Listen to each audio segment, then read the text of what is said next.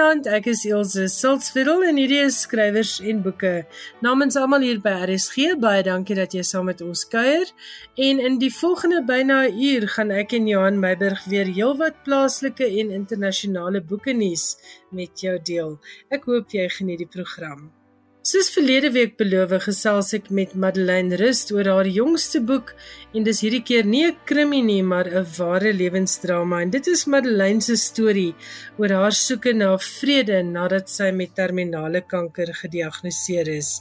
Dan gesels ek met Viva Serene Wieringa en ons gaan praat oor die digitisering en digitalisering van die Afrikaanse letterkunde en dit is deel van 'n mini reeks gesprekke oor wie se taak dit nou eintlik is om te sorg dat ouer Afrikaanse skrywers se boeke onthou en bewaar word. Johan Meiberg het nuus oor drie skrywers wat op Time Magazine se 2022 lys van invloedrykste mense is en dan is daar ook 6 boeke wat die Booker International se kortlys gehaal het wat hy reken lekker leesstof gaan wees. Hy praat ook met ons oor die Britse skrywer Hanif Kureishi en 'n memoir wat hy geskryf het nadat hy weens 'n val verlam is. En dan stel Johan jou voor aan Nederland se nuwe digter des Vaderlands. Dit alles so bietjie later in Finanse skrywers en boeke.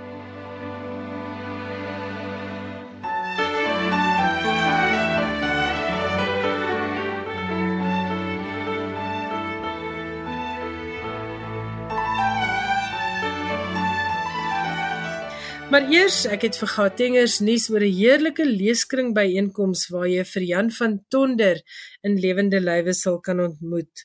Jan is natuurlik bekend vir romans soos Roepman, Die Veerevrou en Groot Geluk, maar baie lesers ken hom dalk die beste vir Sagie. Sy jongste roman vertel die laaste hoofstuk in Sagie se storie en is getiteld Sagie se storie. Phyllis Green, Sadie se boekredakteur, gaan met Jan gesels op die 6de Mei en dit gebeur by die jaarlikse gesamentlike leeskring byeenkoms in Pretoria. Vanjaar word hierdie geleentheid aangebied deur die Jacaranda Leeskring en dis 'n wonderlike wonderlike byeenkoms wat reeds sedert 1940 plaasvind. Jy kan ook gaan, dit kos R120 per persoon wat die gesprek insluit en heerlike eetgoed, maar ek is gevra om te vra dat jy asseblief moet bespreek. Stuur 'n WhatsApp of 'n SMS met jou naam van en dan die verwysing GLB23 na Cecilia by 083 457 4336.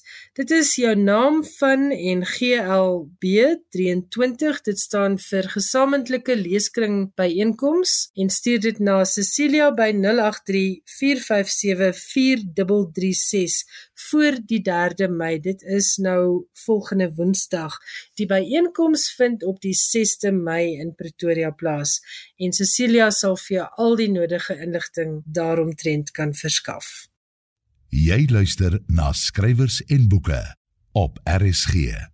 Die Raad van die Suid-Afrikaanse Akademie vir Wetenskap en Kuns het verlede week die wenners aangekondig van die baie gesogte Akademie bekronings vir 2023. Die groot prys op hierdie lys is natuurlik die Hertzogprys en vanjaar word dit toegekend aan Auntie Krog vir haar digbundel Plunder. Nog net NP van Wyk Lou, Breiten Breitenberg en nou Auntie Krog is al 3 keer met die Hertzogprys bekroon. Van skrywers en boeke se kant af baie geluk aan Auntie Krog en ons gaan dit volgende Woensdag aand vier wanneer ons weer gaan luister na grepe uit verlede jaar se Auntie Krog afpop RSG huldigingskonsert. Johan Rademan was die samesteller en ek weet die luisteraars was gaande daaroor. So kom luister volgende Woensdag aand in skrywers en boeke weer 'n bietjie na van daardie wonderlike voordragte en pragtige musiek. Maar dis nie net die wenner van die Hertzogprys wat 'n belangrike bydrae tot die letterkunde lewer nie. So ek sê ook namens RSG baie geluk aan die twee ander benoemdes op die kortlys vir die Hertzogprys. Dit is Lloyd Souls vir sy bundel Moerstaal en Nathan Trantral vir sy bundel Oorlog. Die LW Hemstra Prys vir nuwe fiksie gaan vanjaar aan Eunice Visser vir haar boek Die Kaapse Slawe 1652 tot 1838. Baie geluk aan Eunice en ook aan die skrywers wat saam met haar op die kortlys vir die LW Hemstra Prys vir nuwe fiksie was. Dit is Dan Slay met Retourvloot, Nicole Stassen met Van Humpata tot Appingtonia en dan Die Menslike Dieretuin deur François Durant.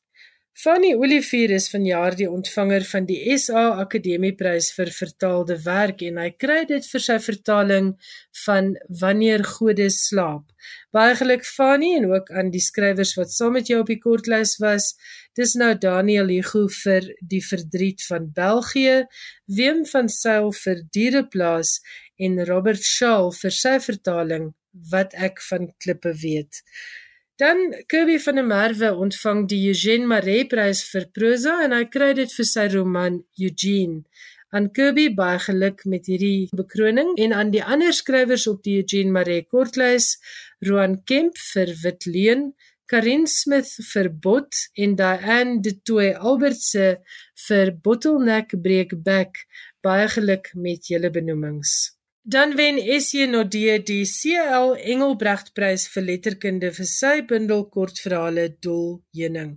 Dit was ook verlede jaar se Hertzog Pryswenner. Baie geluk aan SJ Nodee en al die ander pryswenners op die Suid-Afrikaanse Akademie vir Wetenskap en Kuns se lys van letterkundige toekenninge. Baie geluk en baie dankie vir wat julle vir Afrikaans doen. Skrywers en boeke. Alles wat jy oor die boekewêreld wil weet en meer. Johan Meiberg stel ons nou voor aan drie skrywers wat Time Magazine aangewys het as onder die top 100 invloedrykste mense van 2022. Die afgelope 20 jaar publiseer Time Magazine sy lys van 100 invloedrykste mense, mense wat volgens die tydskrif 'n voorbeeld stel en met hul idees die wêreld 'n beter plek help maak. Verlede jare drie skrywers die lys gehaal vanjaar 4 Colleen Hoover, Neil Gaiman, Salman Rushdie en Judy Blume. Judy Blume is 'n Amerikaanse skrywer wat veral bekend is vir haar boeke vir kinders en jong volwassenes. Onder die bekendste is Are You There God It's Me Margaret van 1970, Tales of a Fourth Grade Nothing 1972 Dini van 1973 en Blubber van 1974. Die 85-jarige Bloem skryf wel sedert 1959 en het meer as 25 romans op haar kerfstok. Die Engelse skrywer Neil Gaiman het verskeie mediums al met sukses aangedurf, onder meer romans, biografieë, grafiese romans en draaiboeke. Die 62-jarige Gaiman se bekendste romans, Good Omens, Coraline en American Gods, het omtrent die status van hedendaagse klassieke werke gekry. Colleen Hoover is 'n Amerikaanse skrywer wat al heelwat sukses met romanses en boeke vir jong volwassenes gehad het. Booktalk het enerzijds tot haar roem bygedra en anderzijds die feit dat The New York Times haar op sy topverkoperlys geplaas het. Die 43-jarige Hoover is veral bekend vir It Ends With Us and It Starts With Us, 'n roman waarin sy temas van huishoudelike geweld en geweld in verhoudings stakel. Nietemin is Salman Rushdie van die vier skrywers moontlik die bekendste. Hy's immers gereeld in die nuus. Hy het jare lank geskuil nadat 'n fatwa oor hom uitgespreek is en in 2020 is hy in die FSA aangeval voor hy kon optree by 'n konferensie oor die FSA as 'n veilige hawe vir skrywers in ballingskap. Van sy boeke is Satanic Verses van 1988, die een wat hom die fatwa op die hals gehaal het, seker die bekendste. Die Indiesgebore Brits-Amerikaanse Rushdie is 75. Sy jongste roman, Victory City, het pas verskyn. Baie dankie, Johan Meiburg.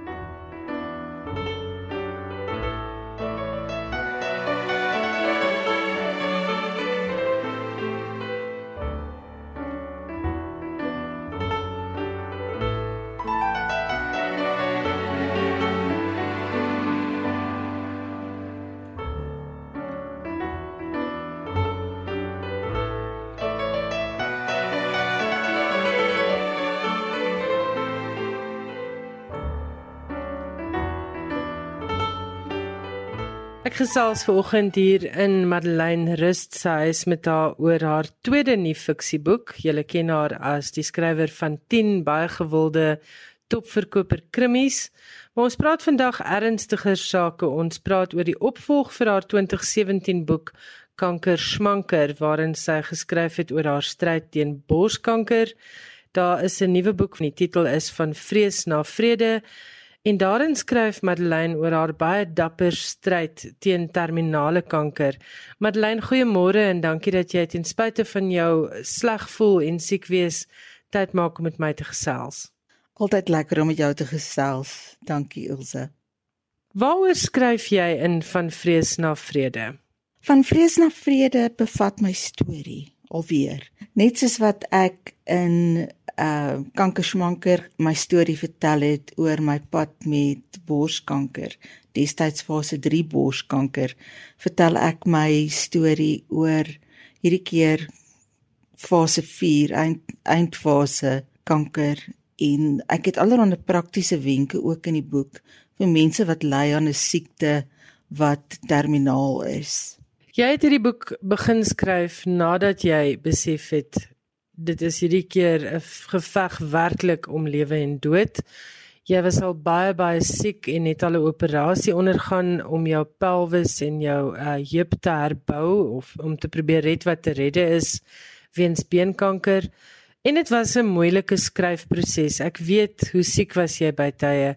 Hoe het jy die hele skryfding aangepak ten spyte van die baie pyn En wat het jy hierdie keer van jouself geleer tydens die skryf van die boek? Elsje, ek en jy ken mekaar nou al baie goed en ek weet jy weet hoe hardkoppig ek is. En deel van die skryfproses was hierdie verskriklike hardkoppigheid van my wat vir jou mal maak en my man en almal om my. Maar ek het net dood eenvoudig besluit dat toe ek um, uiteindelik die besluit neem om voort te gaan met die boek, het ek besluit ek sal deurdruk daarmee ten spyte van hoe ek voel en um, ek het baie planmatig te werk te, te werk gegaan. Ek het byvoorbeeld aan my krimie gewerk gedurende die week en oor naweke het ek geskryf aan van vrees na vrede. Maar die pyn was baie erg en jy het morfine gebruik, noodgedwonge want mens kan nie deur sulke pyn uh regop bly en ek dink lewenskwaliteit hê as jy nie 'n pynmiddel gebruik nie. Het dit ooit ingemeng met jou werk of het jy maar net daai besluit geneem, 'n wilsbesluit geneem van elke oggend opstaan en 'n bietjie skryf aan een van jou boeke net om jou kop helder te hou. Vertel vir my ook 'n bietjie dan in dieselfde asem van die terapeutiese waarde van skryf. Ja, die pyn. Ehm um, Ilse, weet jy dit dit was baie keer so erg dat ek werklik net aan die pyn kon dink terwyl ek voor my rekenaar sit. En dan het ek na 4 maar tou opgegooi en ehm um, teruggegaan bed toe gewoonlik baie vies vir myself omdat ek toelaat dat die kanker aan my voorskryf. Ehm um, die morfine help ook maar net tot op 'n sekere punt en dan moet 'n mens deurbraak medikasie begin gebruik. En ongelukkig die deurbraak medikasie maak 'n ou se kop maar half van die dowwe kant en die frustrerendste ding daarvan is die feit dat ehm um, jy jy soek na 'n woord, 'n eenvoudige woord. Neem nou maar die woord yskas. En daar is geen manier op aarde waarop jy op daai woord kan kom nie. Dit so die frustrasie is verskriklik. Ek het baie keer met my woordeboek daar gesit en sommer net rondgeblaai in die woordeboek sonder om te probeer dink aan 'n spesifieke woord net en jy weet in die hoop dat die woord sy opwagting sou maak uh, en gewoonlik het dit daarom. En in terme van die terapeutiese waarde van ehm um, skryf ek het baie keer hard en lank gehuil terwyl ek skryf. Myself totaal en al jammer gekry om onsself en Marlene is 'n vreeslike dapper vrou maar Marlene is maar net 'n mens.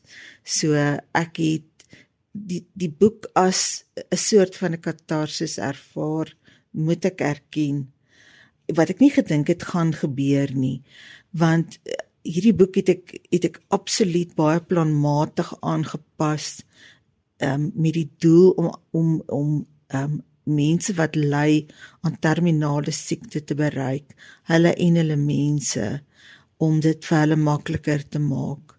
Maar tog het ek ehm um, baie lekker gehuil met tye en kon ek ook baie lekker lag met tye. Kom ons praat oor die titel. Dit is van vrees na vrede. Vertel vir ons van die vrees as 'n mens met 'n terminale siekte gediagnoseer word en dan wil ek ook weet is vrede moontlik? Ek dink die vrees verskil vir ehm um, vir elke pasiënt. Dit is vir elke mens verskillend.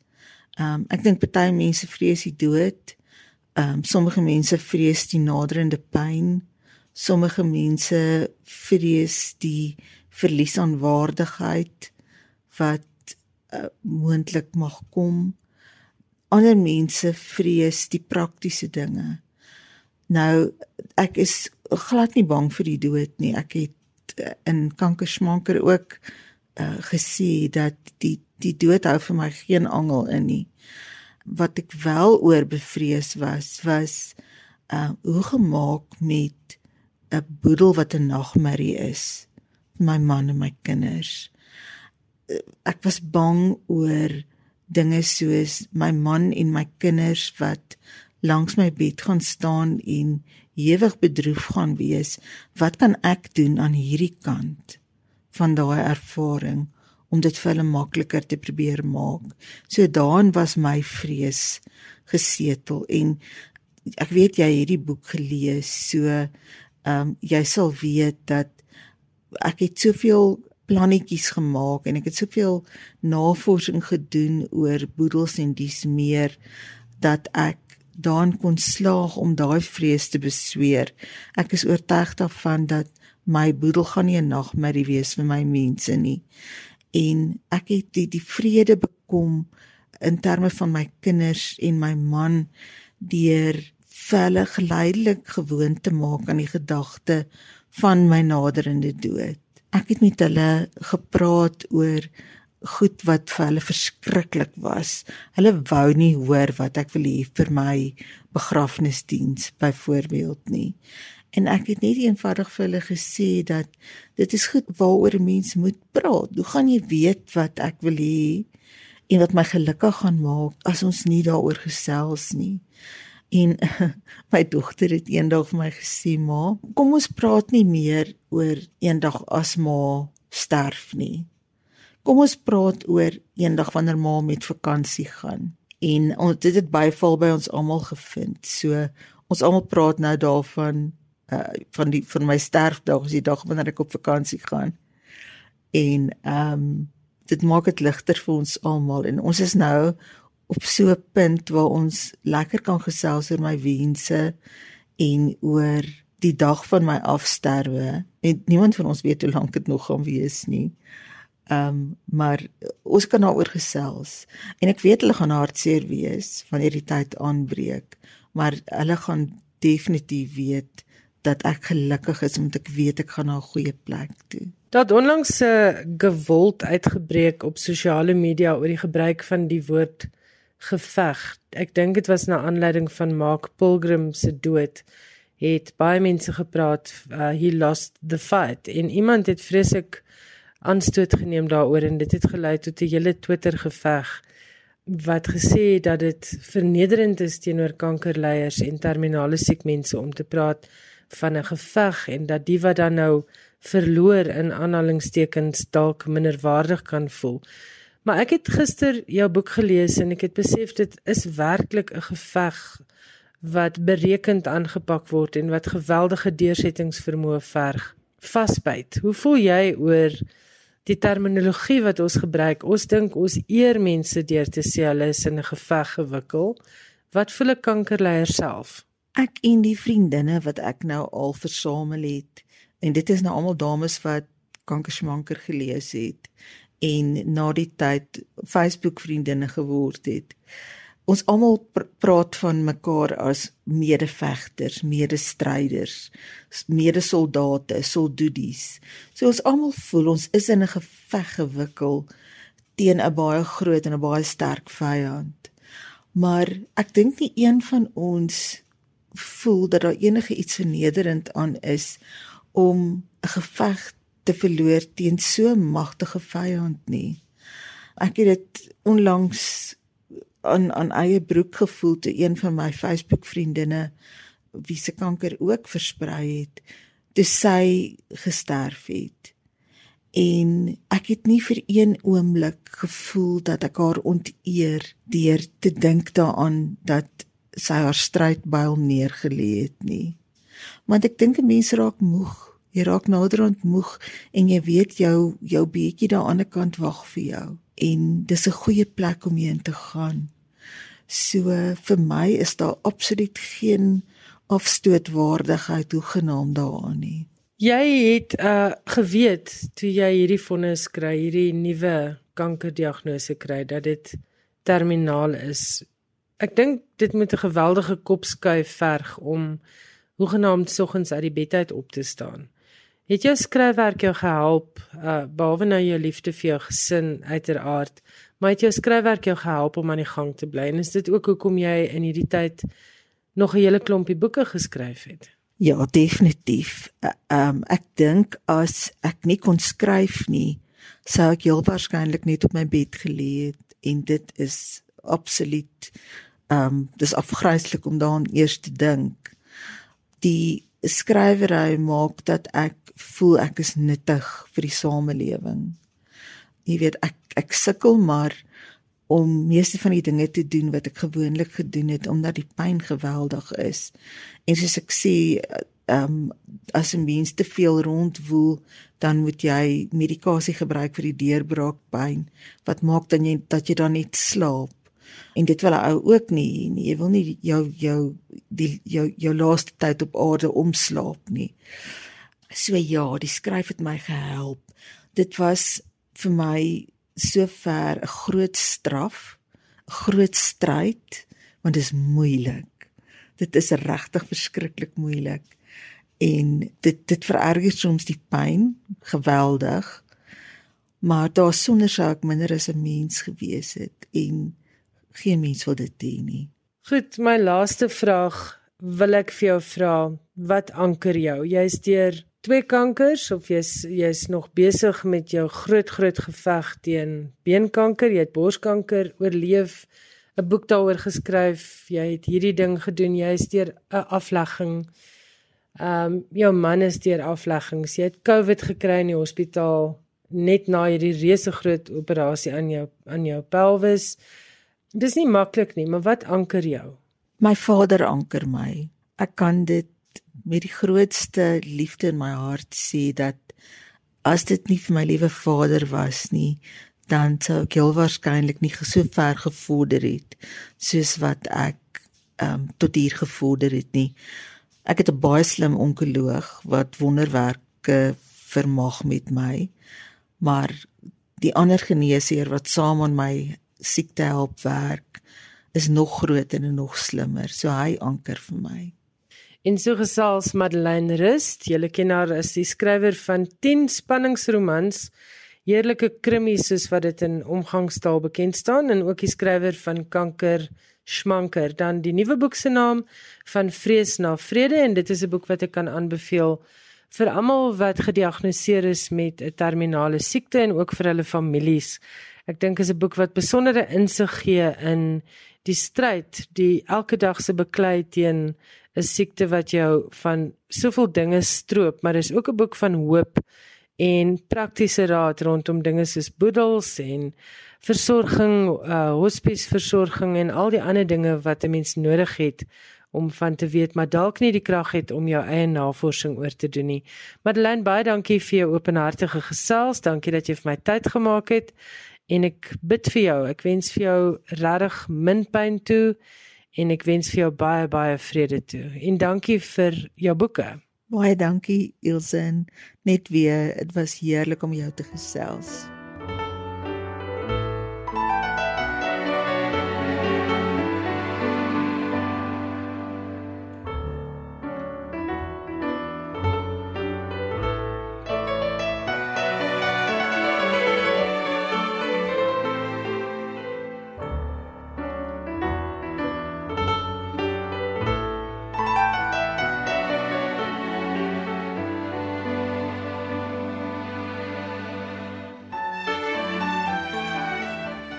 Madeleine Rust se boek van Vrees na Vrede word uitgegee deur Lux Werby en jy kan haar ook op die 3de Junie gaan ontmoet by 'n spesiale lig lesersdag.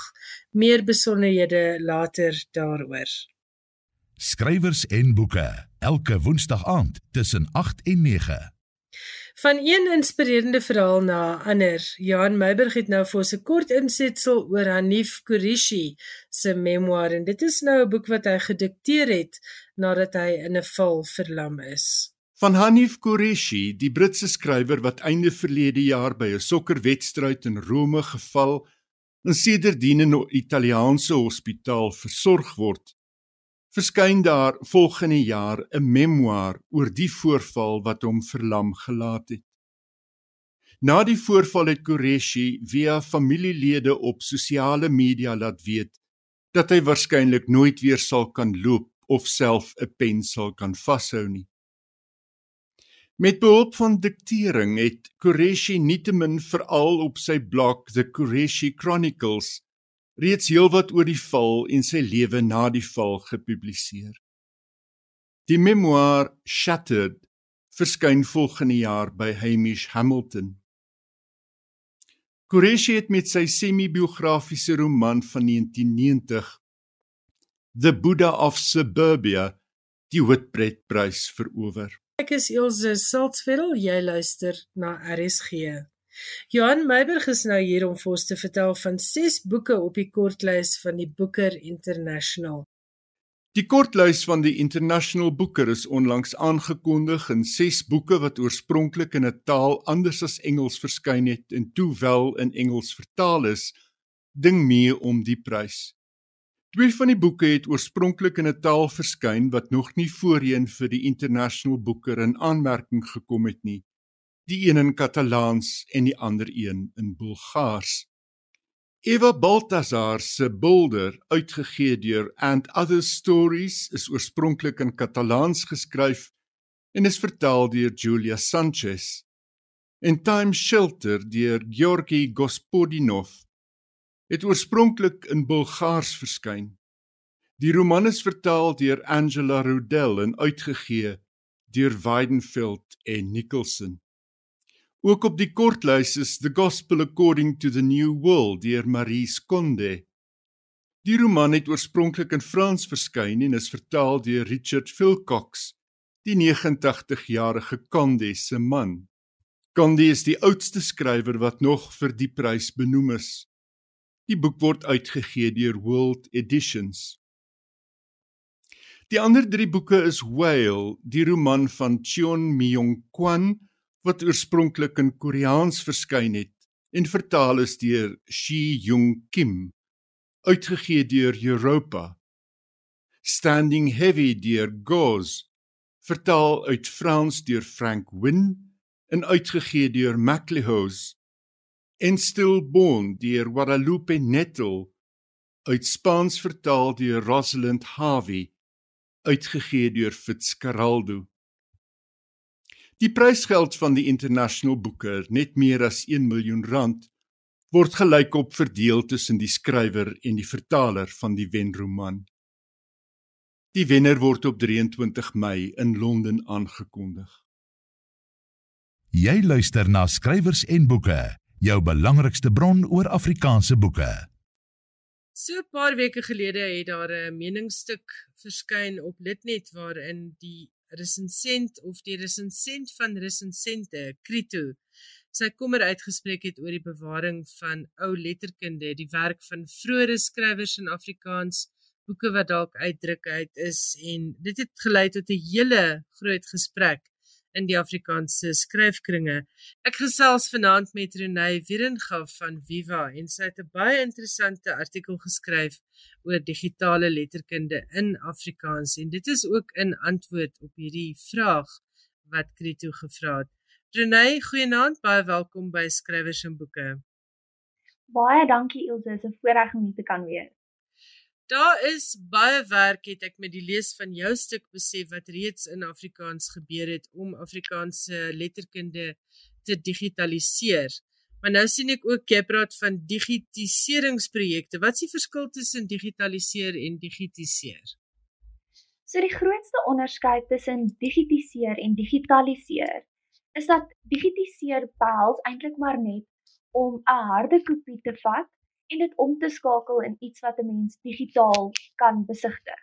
So dit is nou 'n tipiese voorbeeld van as jy 'n boek het en jy neem 'n foto daarvan. Die foto is steeds staties, maar hy's toeganklik op digitale platforms soos byvoorbeeld op jou telefoon of jy kan hom vir iemand e-pos en so meer.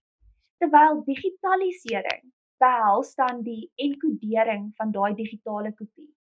So dit is die ekwivalent van as jy nou daai fotootjie vat en jy gaan maak hom meer beweeglik in 'n digitale ruimte en jy enkodeer elke woord sodat jy kan 'n soektog doen byvoorbeeld op 'n program en elke individuele woord wat in die foto voorkom kan ontleed of kan naspeur en so meer.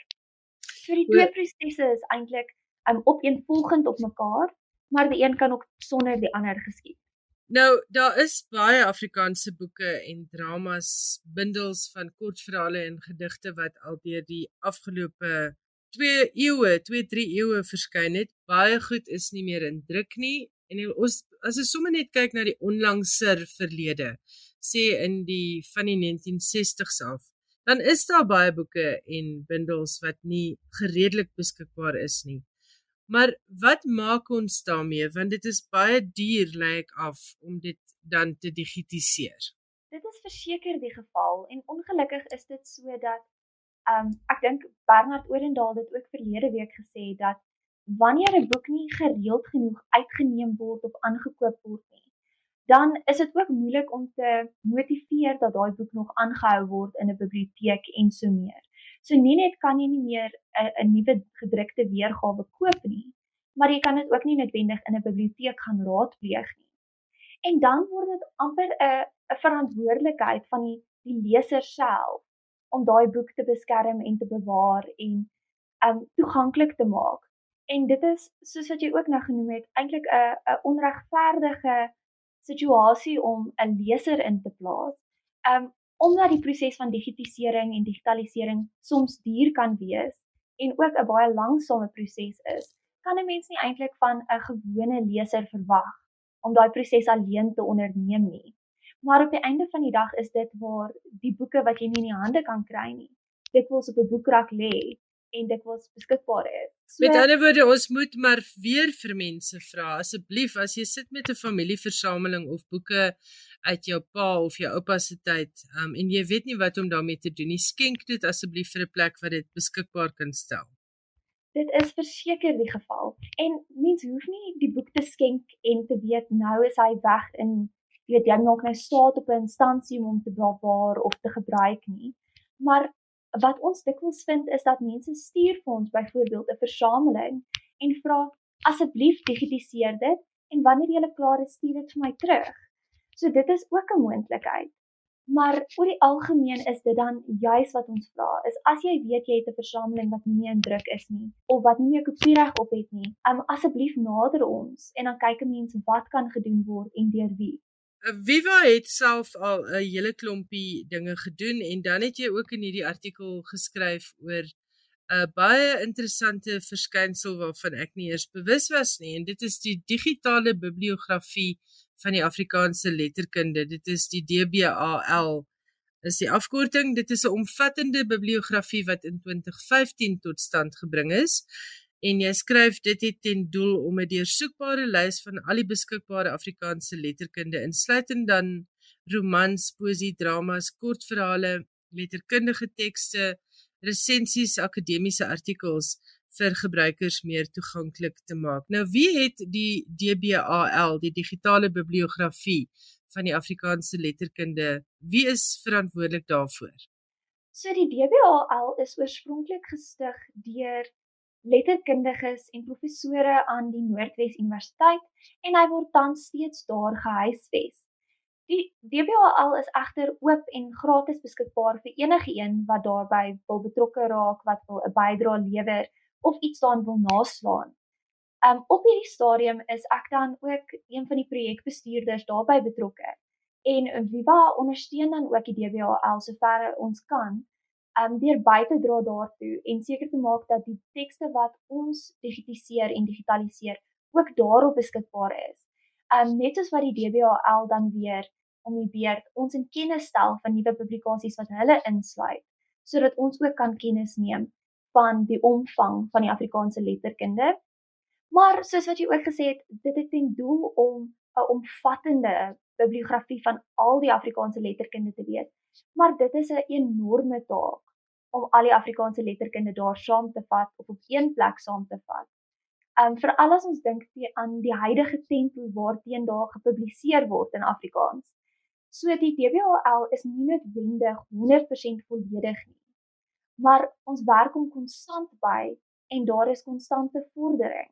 So die voordeel is dat veral ouer tekste is reeds daarin opgeneem en sal jy minstens 'n verwysing kan kry na waar die teks opgespoor kan word indien die digitale weergawe nog nie beskikbaar is nie. Met ander woorde, jy kan nie daar gaan en 'n boek noodwendig gaan uitneem nie, maar jy kan ten minste daar begin om 'n boek se spoor te vat. Dit is heeltemal so. Ehm um, wat ons op die oomblik probeer doen, is om soverre dit moontlik is, boeke wat nie meer onderhewig is aan kopiereg wetgewing nie, om hulle te digitaliseer en daar beskikbaar te stel sodat 'n gebruiker die boek van debat kan aflaai en kan gebruik in die gemak of die gerief van hulle eie huishouding. Maar dit is nie altyd moontlik nie. In sommige gevalle is daar dan net 'n 'n skakel wat jou verwys na 'n spesifieke biblioteek of 'n plek waar jy die boek kan gaan aanvra. Goed, maar wat ek hoor is daar is al begin met hierdie enorme taak. Uh wie befonds dit? Dit is 'n deurlopende proses om befondsing daarvoor te kry. Um, daar is verskeie organisasies betrokke by die soeke na befondsing as mense dit so kan noem en um, veral die Noordwes Universiteit um, onderhou die twee databasisse want daar's 'n digitale bibliografie vir die Afrikaanse taalkunde ook beskikbaar. Um, so daai daai bibliografie word hoofsaaklik maar deur die Noordwes Universiteit befonds en gesteun, maar daar is ook vele ander organisasies wat bydra daartoe. Ek dink iets wat mense in gedagte moet hou is dat geen bydrae is te klein of te groot nie. So net omdat daar nie noodwendig finansiëel bygedra word tot die ondersteuning van so 'n projek nie. Um beteken nie daar is nie werk wat bygedra kan word, tekste wat bygedra kan word om dit te steun en om die volhoubaarheid daarvan te verseker nie. So weer eens as iemand sit met besonderse boeke kan hulle dan nou vir julle deur by die DBAL kontak en sê hierso is 'n 100 jaar oue boek stel julle belang. Dit is verseker 'n moontlikheid. Ons het ook um, onlangs saamgewerk met Nallen in Bloemfontein om ook van hulle versamelings beskikbaar te stel op die DBAL. So dit is iets wat baie oop is vir interpretasie en ons is enige tyd meer as bereid om te gesels oor moontlike samewerking. Goed, kom ons praat bietjie oor kopiereg want ek neem aan dit sit 'n redelike stok in die wiel as dit kom by die ehm um, bewaring van sekere tekste, daar is kopiereg beperkings. Uh wat is dit in in Afrikaans? Wat is dit in Suid-Afrika? 50 jaar? So op hierdie stadium is dit 50 jaar na die afsterwe van die outeur. Dit beteken dat 'n boek moet redelik oud wees voordat 'n mens hom net sommer gratis kan beskikbaar stel of kan digitaliseer. Daarbey saam is dit ook moontlik vir 'n uh, instansie of 'n privaat persoon om kopiereg oor te koop voordat dit verval of om 'n kopiereg te erf. So dikwels gebeur dit dat mense byvoorbeeld dink hierdie outeur is nou afgesterwe, so ons kan nou maar die boek publiseer net soos wat ons wil en dit is nie die geval nie want daai kopiereg word gewoonlik aan naasbestaandes oorgedra. En dan moet dan teenoor daai naasbestaandes verantwoord word met betrekking tot die verspreiding van so teks.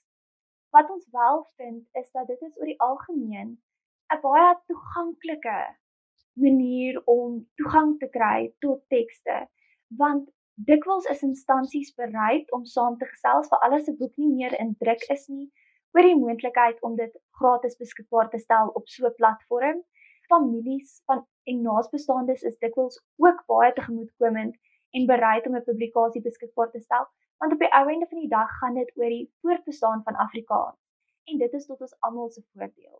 Renay, julle doen fantastiese werk met die DBAL, maar daar is ook ander mense wat bydra. Die Noordwes Universiteit het jy nou genoem, die Erfenis Stichting, Universiteit Stellenbosch, Universiteit van Pretoria se biblioteke, die Afrikaanse Taalraad, die Suid-Afrikaanse Akademie vir Wetenskap en Kuns en wat is SADILAR? Dit is 'n afkorting waarop ek in jou artikel afgekom het wat ek nie ken nie. So SADILAR is die Suid-Afrikaanse Sentrum vir Digitale Taalhulpbronne. En SADILAR het dan die mandaat om digitale hulpbronne vir al die inheemse Suid-Afrikaanse tale beskikbaar te stel en te ondersteun. En hulle het 'n aantal nodes onder andere in die Noordwes by Pretoria Universiteit by Unisa en een van hulle nodes, die node in Pretoria, is dan 'n digitiseringsnode. En dit is hulle taak om te verseker dat soveel as moontlik tekste in die inheemse Suid-Afrikaanse tale gedigitiseer en gedigitaliseer word met die doel om juis daai tekste gratis beskikbaar te stel. So hulle doen absoluut fantastiese werk en hulle doen massas werk waarvan die breë publiek nie noodwendig kennis dra nie. Wel ek is baie bly ons gesels nou daaroor want daar is uh, vir my baie hoop. Daar's definitief baie meer vordering gemaak dink ek as wat selfs uh, Krito sou uh, geweet het. Maar kom ons praat vinnig oor Viva. Julle het ook onlangs 'n uh, uh, uitgewery begin en daar is tekste beskikbaar. Daar is 'n uh, um, 'n gratis boek beskikbaar en daar's ook nou 'n eerste boek wat te koop is vir boekliefhebbers. Vertel ons daarvan. Dit is heeltemal so. Ons het die 12de April het ons Viva Uitgewers se amptelike bekendstelling van ons eerste bundel aanlyn gehad. 'n Gebruikers kan gerus na die platform navigeer en die boek daar aanskaf. Daar is dan ook 'n gratis bundel beskikbaar wat deur Elsa Winkler geskryf is, genaamd Dis in die Soen wat gebruikers gratis kan aflaai en lees. Daarna het Viva ook 'n um, reeds 'n bestaande aanlyn lees en luister biblioteek en die fantastiese ding van die aanlyn lees en luister biblioteek is dat al die stories wat daarop beskikbaar is, is gratis toeganklik. En heelwat van daai stories is deur bekende Afrikaanse skrywers geborg en geskenk sodat leesvaardighede in Afrikaans bevorder kan word. En dit is natuurlik fantasties om te dink dat skrywers wat hul brood en botter verdien, ja, deur middel van hulle pennevrug, eintlik bereid is om stories gratis te skenk aan die breë publiek met die doel om lees in Afrikaans te bevorder. Nou ja, dit klink vir my of 'n fantastiese werk doen. Baie dankie daarvoor. Baie voorspoed daarmee en as mense julle sou wou kontak rondom skenkings van boeke of dalk moontlik selfs geld, met wie kan hulle kontak maak en waar? So, luisteraars is welkom om 'n e-pos te stuur aan navraag by viva-afrikaans.org indien hulle enige skenkings wil maak of enigsins belangstel om by te dra tot enige van hierdie projekte. Ons verwelkom u terugvoer graag. En so gesels Renay Wieringa van Viva. Hulle is besig met groot werk om die ou boeke in Afrikaans weer nuwe lewe te gee, soos die artikel waaroor ons gesels het se opskrif sê ou honde met nuwe spore. Renay baie dankie, dankie vir jou werk en dankie vir jou tyd vanaand. Baie dankie vir jou Ilse, dit is 'n voorreg vir ons om saam te gesels.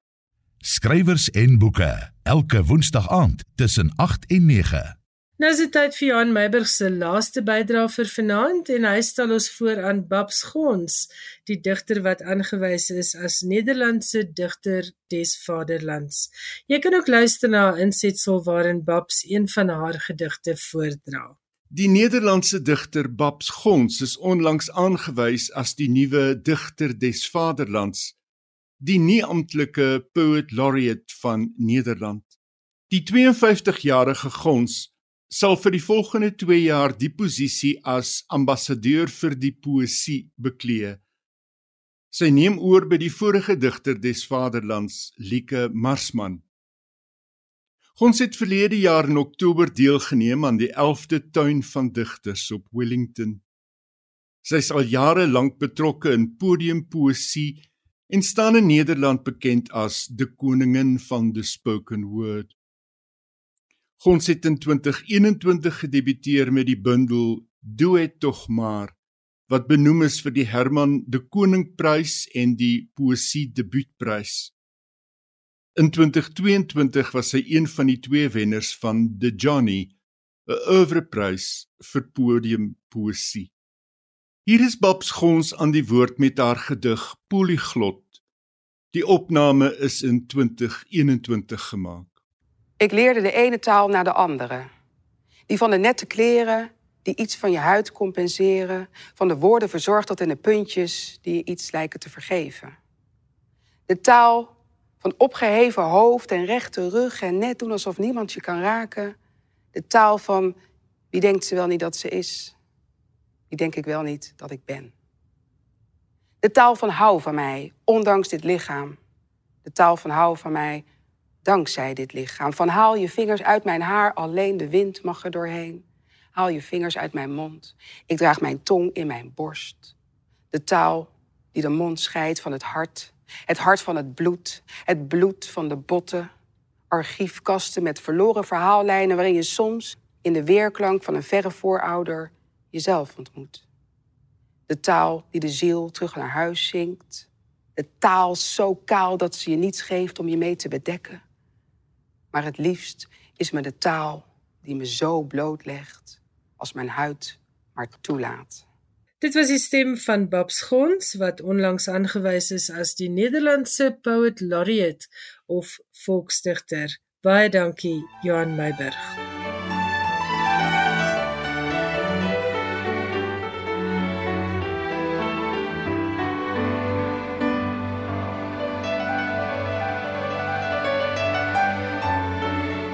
Nou ja, nou die tyd is ongelukkig ingehaal, maar volgende Woensdag gaan kan jy dan luister na grepe uit daardie lieflike afpop RSG huldigingskonsert vir Auntie Krog.